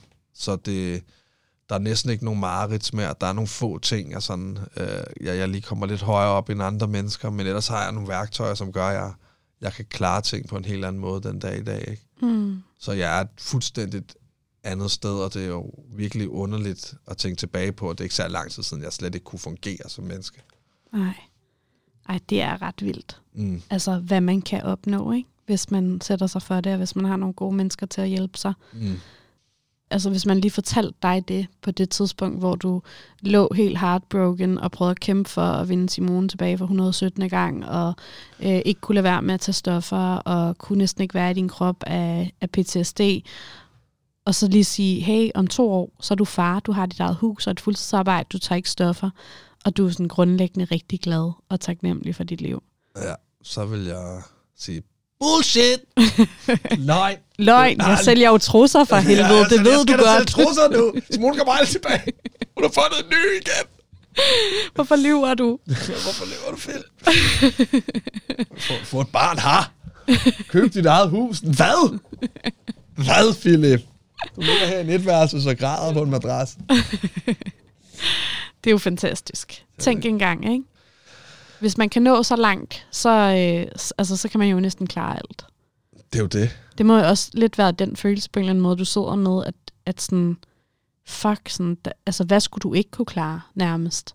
Sådan har jeg det i hvert fald med de, sådan, altså, de største præstationer, som for eksempel en fødsel. Der kan jeg have det sådan, Ja. Hvad for noget smerte skulle jeg ikke kunne klare? Det, jo, Jeg har jo været igennem to fødsler. Jamen, det kan jeg godt forstå. Jeg har, været, Ja. jeg har kun kigget på en, og der Ja. tænker jeg, det er evig respekt, man får til sin, sin Ja. kæreste. Det er helt sygt. Ja. Det er så vildt. Det så, det, der, og- så der tænker jeg, jeg kan jo ikke sige noget, fordi uh, en følelse, det slår alt. Ja, men det er jo det er meget sådan fysisk smerte, ikke? Ja. Men jeg, jeg tænker, i forhold til alt det, du har været igennem og kommet over på den anden side, og selvfølgelig har det med dig, men er der en, er der en, en del af dig, som tænker sådan, okay, jeg kan jo, altså fuck, hvor er jeg stærk, jeg kan jo klare alt. Der er jo ingen tvivl om, at det giver et sindssygt boost sådan på selvværdet, ikke? Og booster det op til, hvad, hvad Ja. man kan klare. Men jeg tror også, at at på en eller anden måde, så går du også og, og, og frygter, at det hele kan ramle igen. Nu snakker vi lige om, om misbrug ja. ramle igen, men alt det andet kan ramle igen. Om at man ved, at et sind er så skrøbeligt, fordi man har været dernede, hvor det er helt Ja. skrøbeligt. Du bygger en borg op, ikke? Jo. og man er så bange for, at den vælter på et tidspunkt. Selvom man, man, man, man må- måske godt ved, at den ikke gør det, så, så, så er det vigtigt, at man hele tiden arbejder med det, og ikke glemmer, at det er skrøbeligt, tror jeg. Ja. Så et eller andet sted, der er der altid en frygt, og det tror jeg, fordi jeg er gået med det så mange år uar- uarbejdet, at, at den er bygget sig op. Men, Det er bare med at passe på kærligheden og passe på dit sind og dig selv. men der er ikke meget, jeg ikke tør at gå ind i. Om det, om det gør ondt eller ikke gør, så er jeg ikke bange for at, at vise min sårbarhed. Mænd er mere risikovillige, når det kommer til at vælge en kæreste. Ifølge videnskab.dk kan man se det på, at mænd hurtigere efter et brud finder en ny kæreste, og dermed løber en større risiko, end hvis de havde lært den nye person bedre at kende, og sikret sig, at det rent faktisk er et rigtigt match, inden de går ind i parforholdet. Studiet foreslår, at grunden kan være, at mænd er mindre bange for at opgive forholdet igen, hvis nu det ikke fungerer. Altså at de simpelthen er mindre bange for at få hjertesorg. Men det er altså ikke bevist.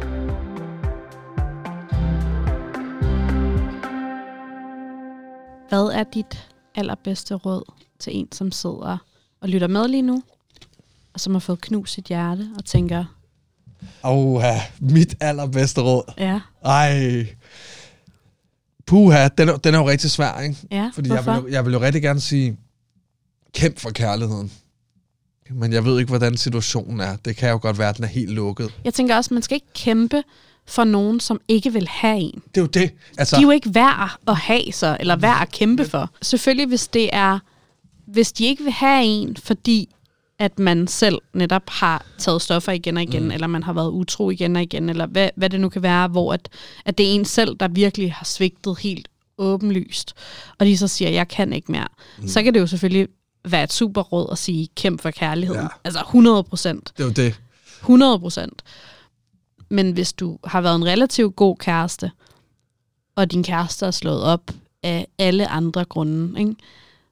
så tænker jeg, så, så er det måske der, at man skal vide, at man er mere værd. Ja. Og Jeg er jo helt enig med dig. Det er jo meget op til situationen af en selv. Og mm. det er jo det der med at kæmpe for kærligheden. Det kan jo også bare være en, øh, en, en flugt for, at man ikke erkender, hvad der egentlig er sket. Ikke? Mm. Jeg tror, det er vigtigt, hvis man er heartbroken, at man virkelig lærer af det. Og det er, jo, det er jo rigtig nemt for mig at sige, at nu sidder du, nu er du heartbroken, nu skal du finde dig selv, og nu skal du lære af det her. Mm. Men jeg tror, det er vigtigt, at man griber det. Altså, man, man, man tager det ind, og man på en eller anden måde mærker det, Ja, selvom det er hårdt ja, så er det altså her, man, øh, man udvikler sig som menneske. Man Ja. mærker de her følelser. Du, du mærker, hvordan du er i de her fuldstændig tragiske, stressede situationer. Og det bliver du kun stærkere af. Og Ja. så gør du, hvad du har lyst til. Hvis du har brug for at låse dig inde i tre måneder, mm. så gør det. Hvis du har brug for at, at høre Celine Dion, så gør det. Der er ikke nogen andre end dig selv, der skal komme ud af det her. Og mm. der er ikke nogen andres meninger, der, der skal redde dig ud af det her. Jeg tror, det er virkelig vigtigt, at man selv finder ud af, hvordan man kommer ud af det her på den bedst mulige måde.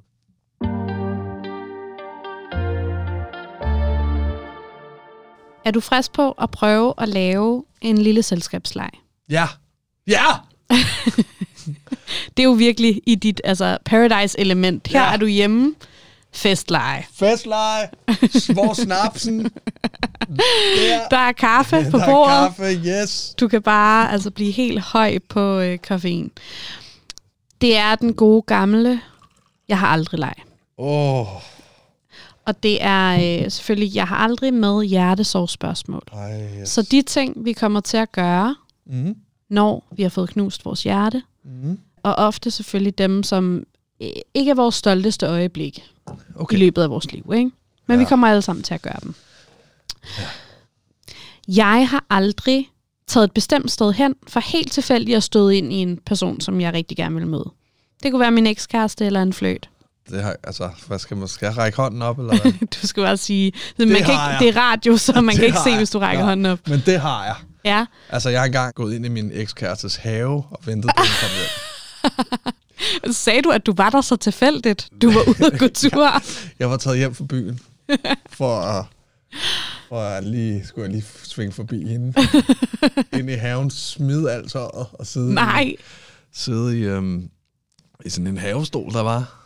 Øh, sad du nøgen i hendes havestol og ventede jeg, på jeg, hende? Jeg skulle ikke huske, om jeg havde underbuks på, men ja, det gjorde jeg, og jeg var meget fuld. Hvad, hvad, altså en succesoplevelse? Nej, eller? fordi jeg, jeg tror faktisk, det var hendes forældre, der kom ned og så mig. hun var ikke hjemme. Nå, stakkels lille dreng. Stakkels mig. Okay, sindssygt ja. Ja. nok. Dum historie, men Det er ja, jeg perfekt. er meget desperat. Og det der, med- det der med at kæmpe for kærligheden, Ja. det skal du ikke gøre derude, hvis du lytter med. Det virkede ikke. Og der- Jeg har aldrig lagt ting på sociale medier for at få min ekskærestes opmærksomhed. Åh, oh, jamen det har jeg jo også 100% gjort, ikke? Hvad Ikke? kunne du finde på at lægge op? Det er jo den klassiske story, ikke? Ja. Man ikke lige, åh, nu er jeg i byen, har det pisse fedt, se damerne ved mit bord. Sluk hjem, sov. det har jeg nok også gjort. Jamen, jeg, jeg er, jeg, det er alle tricks. Jeg kender så godt den der, altså, jeg, jeg, jeg har seriøst taget ud, altså bare for at kunne lave videoer. Ja. Ja. Altså, for, altså, det har det været den eneste motivation til at komme ud. Ja. Det har været, jeg skal jo ud, for så kan jeg lave den her dumme story, om jeg har det fedt, og så snart jeg har lavet den, så kan jeg tage hjem igen. Det er jo det. Jeg kan bare vise, vise, man har det fedt, selvom man ikke Ja. har det. Ikke? Det er så... Det er så fordi så kan, hårdt. det, kan det jo være, ens ekskæreste lige ser det, ikke? Jo, og, Og tænker, ej, jeg må skynde mig at komme tilbage, inden han har det for sjovt. Mm. Eller kommer rigtig Og det videre. sker jo bare aldrig. Altså, det er jo ikke den video, der gør det. Det nytter ikke noget at gå ud og være falsk. Men det er godt nok svært at lade være, ikke? Jeg har aldrig læst en kærestes, eller ekskærestes beskeder, altså tjekket en telefon. Det har jeg ikke. Du har aldrig kigget Nej, i en piges telefon. aldrig. Vildt nok. Har du haft lyst til det, eller overvejet det? Ja, ren nysgerrighed har haft lyst til det, men der, det, det, det gør man ikke. Nej. Har du oplevet, at nogen har gjort det ved dig? Øhm, ja, Ja. det har jeg. Hvad Det er gjorde du så? også derfor, jeg aldrig har gjort det. Var. Ja, fordi du blev sur. Ja ked af det. Ja, det er virkelig, jeg synes virkelig, det er, det er over, ens, pri- over grænsen, ens privatsfære. Lige det der, Ja, der går min grænse i hvert fald. okay. Jeg har aldrig taget hævn over en ekskæreste. Hvad er hævn? Det kunne være at punktere en cykel, eller... Åh, lige punkter cyklet. Ej. ej, ej, hævn. Ej, det har jeg ikke gjort. Jeg har aldrig gjort noget sådan fysisk. Nej. Hævn. Så kan det være sådan noget, at være sammen med hendes veninde, eller et eller andet. Ja, et eller andet forfærdeligt. Altså, øhm, i større eller mindre grad, men et eller andet, hvor man tænker, så får du bare en dårlig dag i morgen. Så hælder jeg lige vand ud foran din dør, Ja. og det er tilfældigvis meget koldt. Ja. Så nu glider du. Nej, det tror jeg faktisk, jeg aldrig har gjort. Så, så, så, kan man det også?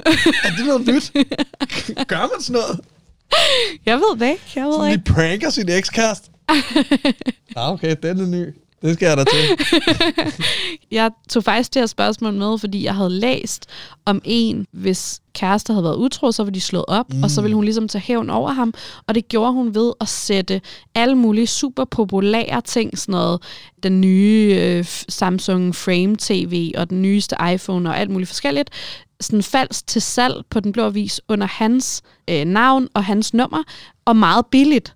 Sådan så, at han blev kimet ned Ah, øh, fra alle mulige, der ville købe alle mulige ting. Og han blev nødt til at skifte nummer til sidst. Og hun var sådan, det var bare, jeg var bare glad for at vide, at han i nogle dage hele tiden blev ringet op på sit arbejde af folk, der ville købe. og så den man nye virkelig også, robotstøvsuger. så skal man virkelig også ud i, at man, altså, man er virkelig uvenner med sin ekskæreste. Ikke? Ja, men jeg synes, det var en sjov hævn, fordi det er ikke sådan, Det er det er ikke permanent, det er ikke noget, som han lider skade af, men det, men det har givet hende en lidt, en lidt mere sådan, nu er der li- lidt mere lige i regnskabet. Ja, En lille god følelse. det må jeg altså tænke lidt med over. Nu har du ikke nogen, du skal Nej. hævne dig på. Er det, er det, nå, det er ikke, man kan ikke altid gøre det. Ej, det er for sent nu. Nå, Det er for sent nu. Jeg kan ikke lige, jeg skal lige... Se, 12 år siden. Ja. Aha!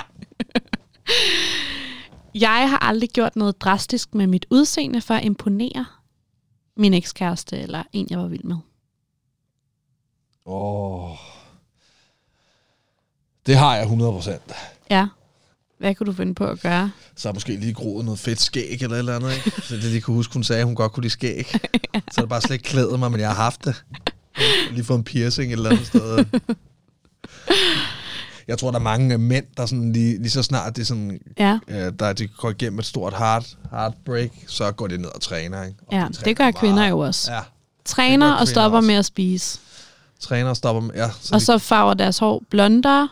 Man går meget tit Barbie-vejen, føler jeg, når Ja. man er- er blevet single. og mænd går kenvejen. Ja, Så det, altså, der har jeg også været, hvor det bare har været much, the, the feel dernede, ikke? ja. Nu skal jeg bare så aldrig til lækkerud, jeg har aldrig gjort det i mit liv. Sol, ja, Paradise.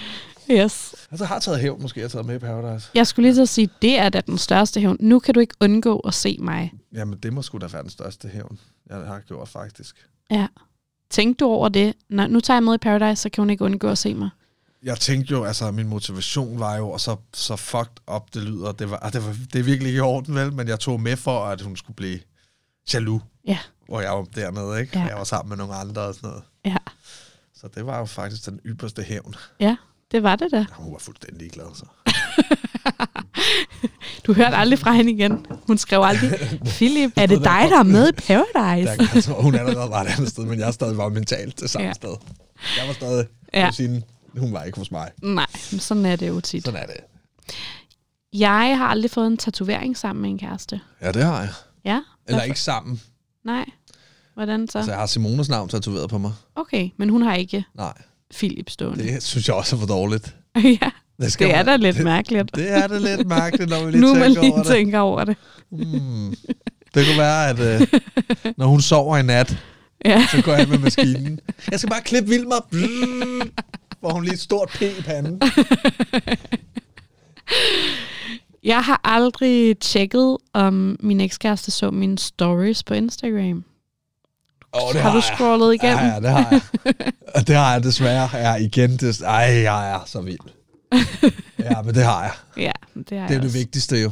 Det er, Ja. ja. man laver, den- lad mig lave den der story, hvor man lige har lavet den der, vi snakker om, lige Ja. ja. været i byen, lige gjort alle de der ting, Ja. man har. Man, ikke, man, man sidder nu og tænker, Har hun set den? ja, har, har hun set den? Og så kigger man, og så har hun ikke set, og så, er der, så kommer hendes navn lige pludselig. Ja, nu har hun set den. Eller nogle af hendes veninder, man ved, hun er sammen Ja. hendes navn ligger. Ja. Så har hun set den, yes! så kan jeg godt være ynglig igen. Så går jeg hjem og Ja. græder. Ej, fuck, man gør mange syge ting, når man er... Ja. Jeg har aldrig beholdt en fysisk ting, der minder mig om min ekskæreste, som jeg bare ikke kunne give slip på. Har du noget stående derhjemme? Nej, jeg kan, jeg kan slet ikke sådan nogle ting, der Er minder. det rigtigt? Hvis vi har haft Du en, skal væk. hvis vi har haft en film sammen, jeg kan ikke se den efter. Den er slut, altså den er død. Hvis vi har haft en For altid. For altid. Serien er død. Også selvom, at når du så er blevet øh, dødeligt forelsket i Simone og sådan noget, så den film, der mindede dig om din ekskæreste, den kan du ikke få tilbage. Nå, det tror jeg godt, jeg vil kunne, Ja. faktisk. Nu, når jeg, ja, det vil jeg godt kunne. Ja, men jeg tænker bare tilbage på nogle af de der episoder, jeg har haft, hvor jeg har været hardboard. Der har jeg slet ikke kunnet det. Nej. Jeg synes, det kan være meget fedt nogle gange at gemme de der ting, sådan for eksempel på loftet eller et eller andet, sådan, så netop når man har fået det godt igen, så opdager man, nu kan jeg faktisk godt gå med den her halskæde, eller nu kan jeg godt et eller andet, fordi at det bliver ligegyldigt. Altså sådan, det, er en, det er sådan lidt en styrkeagtig følelse at mærke, at sådan, nu betyder det faktisk ikke noget mere, for nu er jeg glad igen. Jamen, det har jeg ikke gjort. Men du har bare smidt det hele ud. Ah! Væk! Men det var, fordi jeg var så hardboard, så hver gang jeg bare kiggede på nogle af de der ting, så kunne jeg bare begynde at græde jo. Ja. Hvis Ja. jeg bare lige så sådan en sød lille, sød lille hat. En sød lille hat. Det er den søde hat, hun havde på på Åh oh, bakken. nej. Hatten, ikke hatten. Ikke hatten!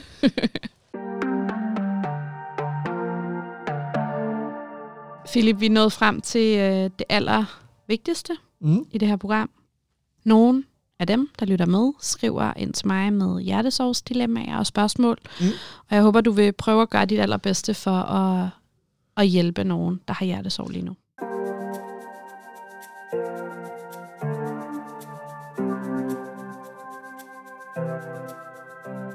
Hej Maria og Gis. Jeg er i tvivl om, at hjerte er blevet knust. Jeg sås med en dreng i omkring tre måneder, hvorefter jeg blev nødt til at slutte relationen, fordi jeg kunne mærke, at han var begyndt at trække sig. Efter fire måneder uden kontakt skriver jeg en besked til ham, hvor vi så aftaler, at vi ville begynde at ses igen, men at vi godt måtte ses med andre, og at vi ikke skulle være kærester. Så skriver han så til mig i går, at han ikke synes, vi skal det mere. Vi sås en gang om ugen, hvilket var hans forslag, og jeg var fuldt indrettet på, at vi ikke skulle være kærester, og jeg synes, det fungerede godt. Derfor står jeg nu tilbage med en følelse af ærgelse og tomhed, og han ville ikke rigtig sige, hvorfor. Han sagde bare, at han syntes, det var underligt, at vi havde kontakt igen. Kunne han måske føle sig i klemme? Mit spørgsmål er helt overordnet. Hvordan kan jeg glemme ham, når det er så lidt at række ud og skrive til ham? Jeg føler, at jeg er blevet afhængig af hans person, og jeg er bange for, at jeg ikke kan have det sammen med en anden. Uha. Ja. Uha, da, da, da, da, da.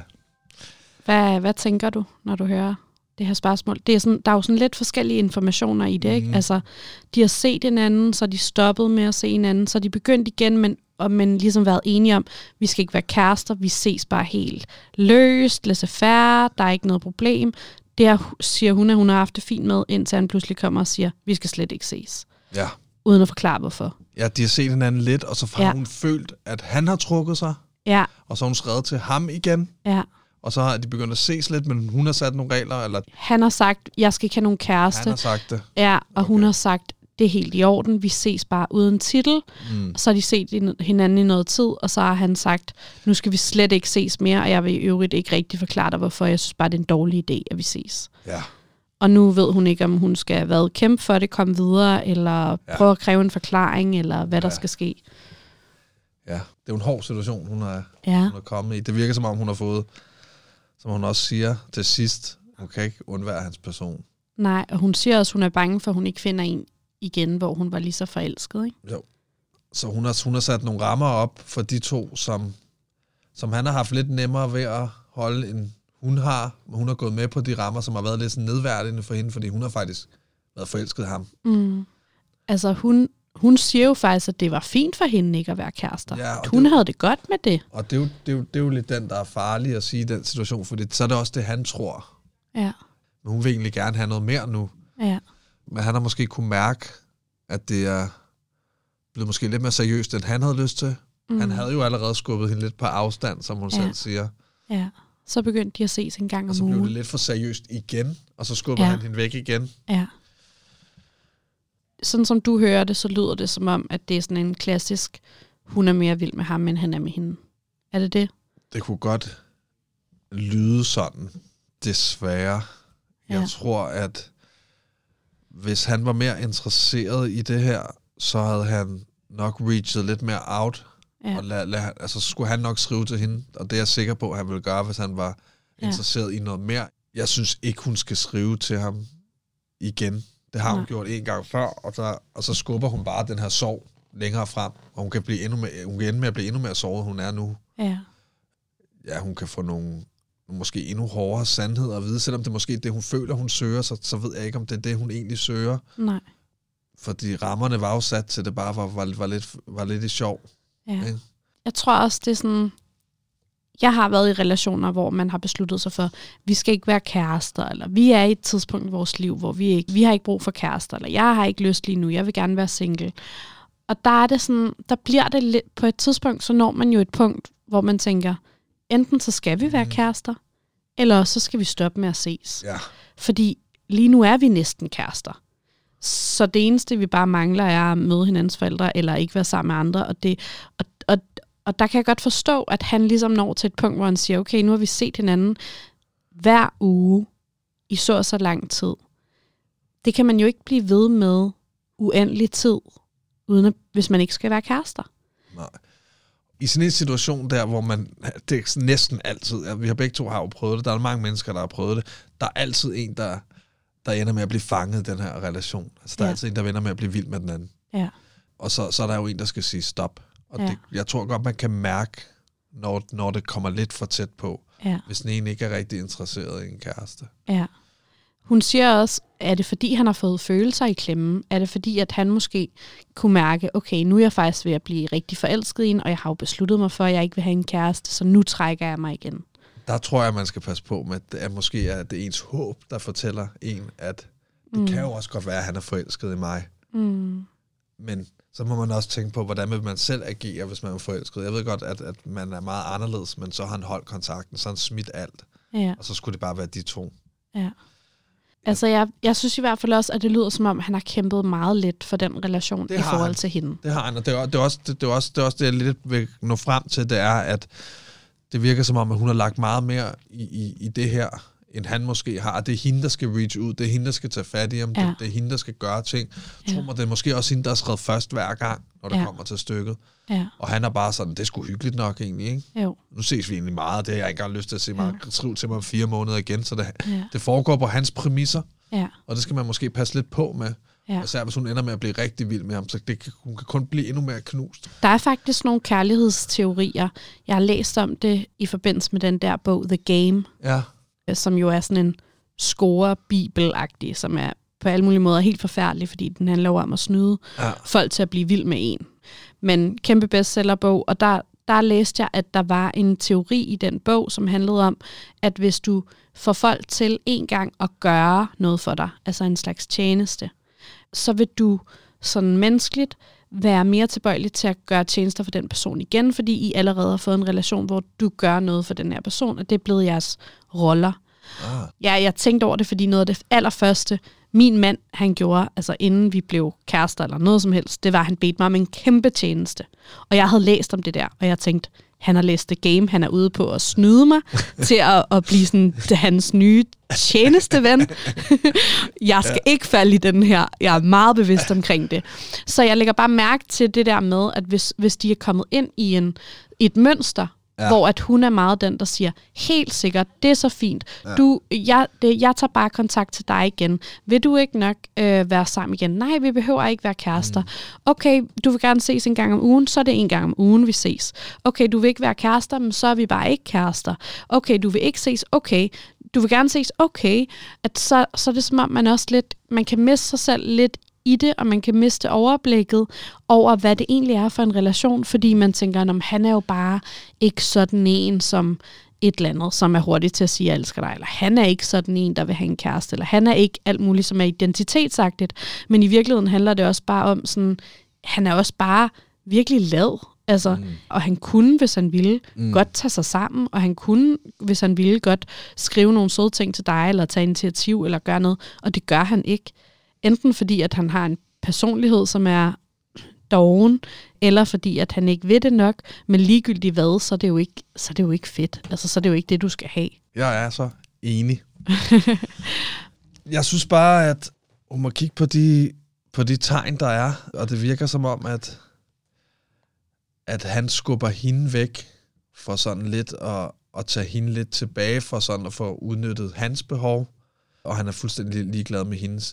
Men det, jeg synes også, det virker som om, hun ikke rigtig har fortalt, hvad hendes rigtige intentioner er med det. Hun ja. fortæller også, hvad hun rigtig føler om Ja, men ham. hun siger jo stadig til os, det var helt fint for mig ikke at være kærester.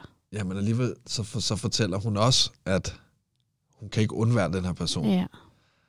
Så hun er jo blevet vild med ham. Ja. Og men det ved han ikke. Tror du ikke, han ved det? Jo, men, jo, men han ved det, han ved det jo ikke sådan 100 procent. Nej. Altså, synes du, hun skulle sige det til ham sådan ægte? Hey, jeg vil gerne, faktisk gerne være kærester. Ikke når de har aftalt ikke at ses. Når han har sagt stop, ja. så synes jeg ikke, man lige pludselig skal kaste den med, at jeg faktisk er vild med dig, for så, bliver, så, så har han en grund til at skubbe hende endnu, længere væk. Hun må kigge på de overordnede tegn, der er, og der er sådan en mand, der har sagt fra to gange. Ja. Og så ved jeg godt, at det, det, det kommer til at gøre rigtig ondt på hende, det her. Ja, men hun skal komme videre. Hun skal nok komme videre, og så skal hun nok prøve at trøste sig selv med, at at vi, vi skal være glade for, at det ikke kommer længere ud. Ja. Han har ikke mødt din familie endnu. Nej. I er ikke blevet kærester. I, I har ikke lovet kærester. hinanden at være ikke, sammen for evigt. Og, og I har lovet nogle ting, og dem har I holdt. Mm. Og så må man måske lære det til en anden god gang, drage erfaringer til det her. Der skal nok komme en ny fyr på et tidspunkt, og så ved mm. jeg godt, at man lægger nogle linjer, men så må man også erkende, når der kommer nogle følelser op, og så måske snakke om dem der, så, det ikke, så man ikke føler, at man ikke lige fik sagt det, man faktisk følte til den person. Ja. Men man, man, man taler åben om det. Så lige sådan prøve at gå lidt ind i sig selv og tænke over, okay, hvis jeg lige tager ham ud af ligningen, mm. hvad var det så egentlig, jeg gerne ville? Ja. Fordi hun er blevet måske lidt forblændet af, at han har sagt, nu gør vi sådan her, sådan her, sådan her. Og så har hun sagt, den kan jeg godt være med på. Mm. Men prøv at gå ind og sige, hvad var det egentlig, jeg allerhelst ville? Vil jeg egentlig helst være kærester? Mm. Er det det, jeg drømte om? Hvis det er det, så prøv at huske til næste gang, okay, næste gang jeg skal gå ind i en relation, så skal mine præmisser altså også være mere med, og det skal være lidt mere lige. Hun skal have, have sig selv meget mere med i det, og hun skal tænke meget mere på sig selv. Det må man godt. Ja. Man må godt, hvordan jeg føler i det her. Så det ikke kun bliver, det er blevet på hans præmisser, det hele føles ja. lidt som om. Det er ham, der bestemmer, hvornår, ja. hvor langt meget skal ses, og hvornår ja. skal ses igen, og alligevel er det dig, der skriver til ham. Måske have sig selv lidt mere med i det, ja. og det er okay at, at fortælle, hvordan man har det nogle gange. Ja, det synes jeg virkelig også er en god pointe, det der med, at man skal holde fast i, hvad det er, man har lyst til at sige det højt. Fordi man kan godt, når man er single, og når man drømmer om kærlighed, det kender jeg i hvert fald fra mig selv i de perioder, at, at så har jeg virkelig kunne gå på kompromis med mange ting, fordi hvis bare jeg kan få en kæreste, altså hvis mm. bare han vil være kærester, så kan jeg godt gå på kompromis med, at han fester for meget, eller at han er dårlig til at svare, eller, fordi han er jo virkelig sød, når vi er sammen. Mm. Vi har det jo rigtig sjovt sammen, og jeg er jo forelsket i ham, så du ved, det her ser jeg gennem fingre med, det her ser jeg gennem fingre med. Men, men jeg tror bare, at hvis du ser for, igennem fingre med for meget, altså hvis du bliver behandlet for dårligt, hvis du ikke kan regne med personen, hvis du bliver forladt hele tiden, og han, han er inde og ude af døren øh, hver anden dag, og du ikke rigtig kan regne med noget, og han vil ikke engang have en titel på og sådan noget, så hvis du endelig får ham overbevist om, at I skal være kærester, eller sådan, så, så vil han måske bare gå igen. Altså, så du bliver nødt til ligesom... Det er fair nok at sige, hvad du vil have, fordi hvis den person så ikke vil have det, så er det alligevel ikke den rigtige person. Nej, det siger også meget om personen, at hun ikke får nogen forklaring på, hvorfor han Ja. ikke er der lige på. Så hun er bare sådan, jamen det kan jeg ikke forklare. Ja, altså, dårligt til at kommunikere. altså, ja, så Hun har ikke mistet noget. du er, virker som en fantastisk pige. Der er masser af dejlige mænd derude til dig. Ja. 100 procent. Du har det rette hjerte. Ham der, det virker ikke som om hans hjerte er, hvor det skal være. Hvis du hører med dig mand, der er derude. Tag det sammen! Philip May, tusind Yes. yes. tak, fordi du ville komme i dag og Jamen, tage os tak. igennem en øh, voldsom, lang historie, som både indeholdt hjertesorg, men jo også alt muligt andet. Ikke? Jo, det var terapi for sjælen. Perfekt. Jeg, jeg skal altså, kramme min kæreste. to flyver med et smæk. Ja. Gratis terapi. Gratis terapi. Yes. Ja. Jamen altså, helt Simone, og tillykke med kærligheden. Ikke? tak, og i lige måde. Hvis du har et kærestesorgsspørgsmål, du gerne vil have hjælp med her i podcasten, så kan du sende mig en besked på Instagram. Så kan det være, at det er dit spørgsmål, vi tager op i næste uge. Og indtil da, så skal du bare huske, at alt bliver godt igen. Mit navn er Maria Jensel. Du har lyttet til 112 for knuste hjerter. Vi lyttes ved.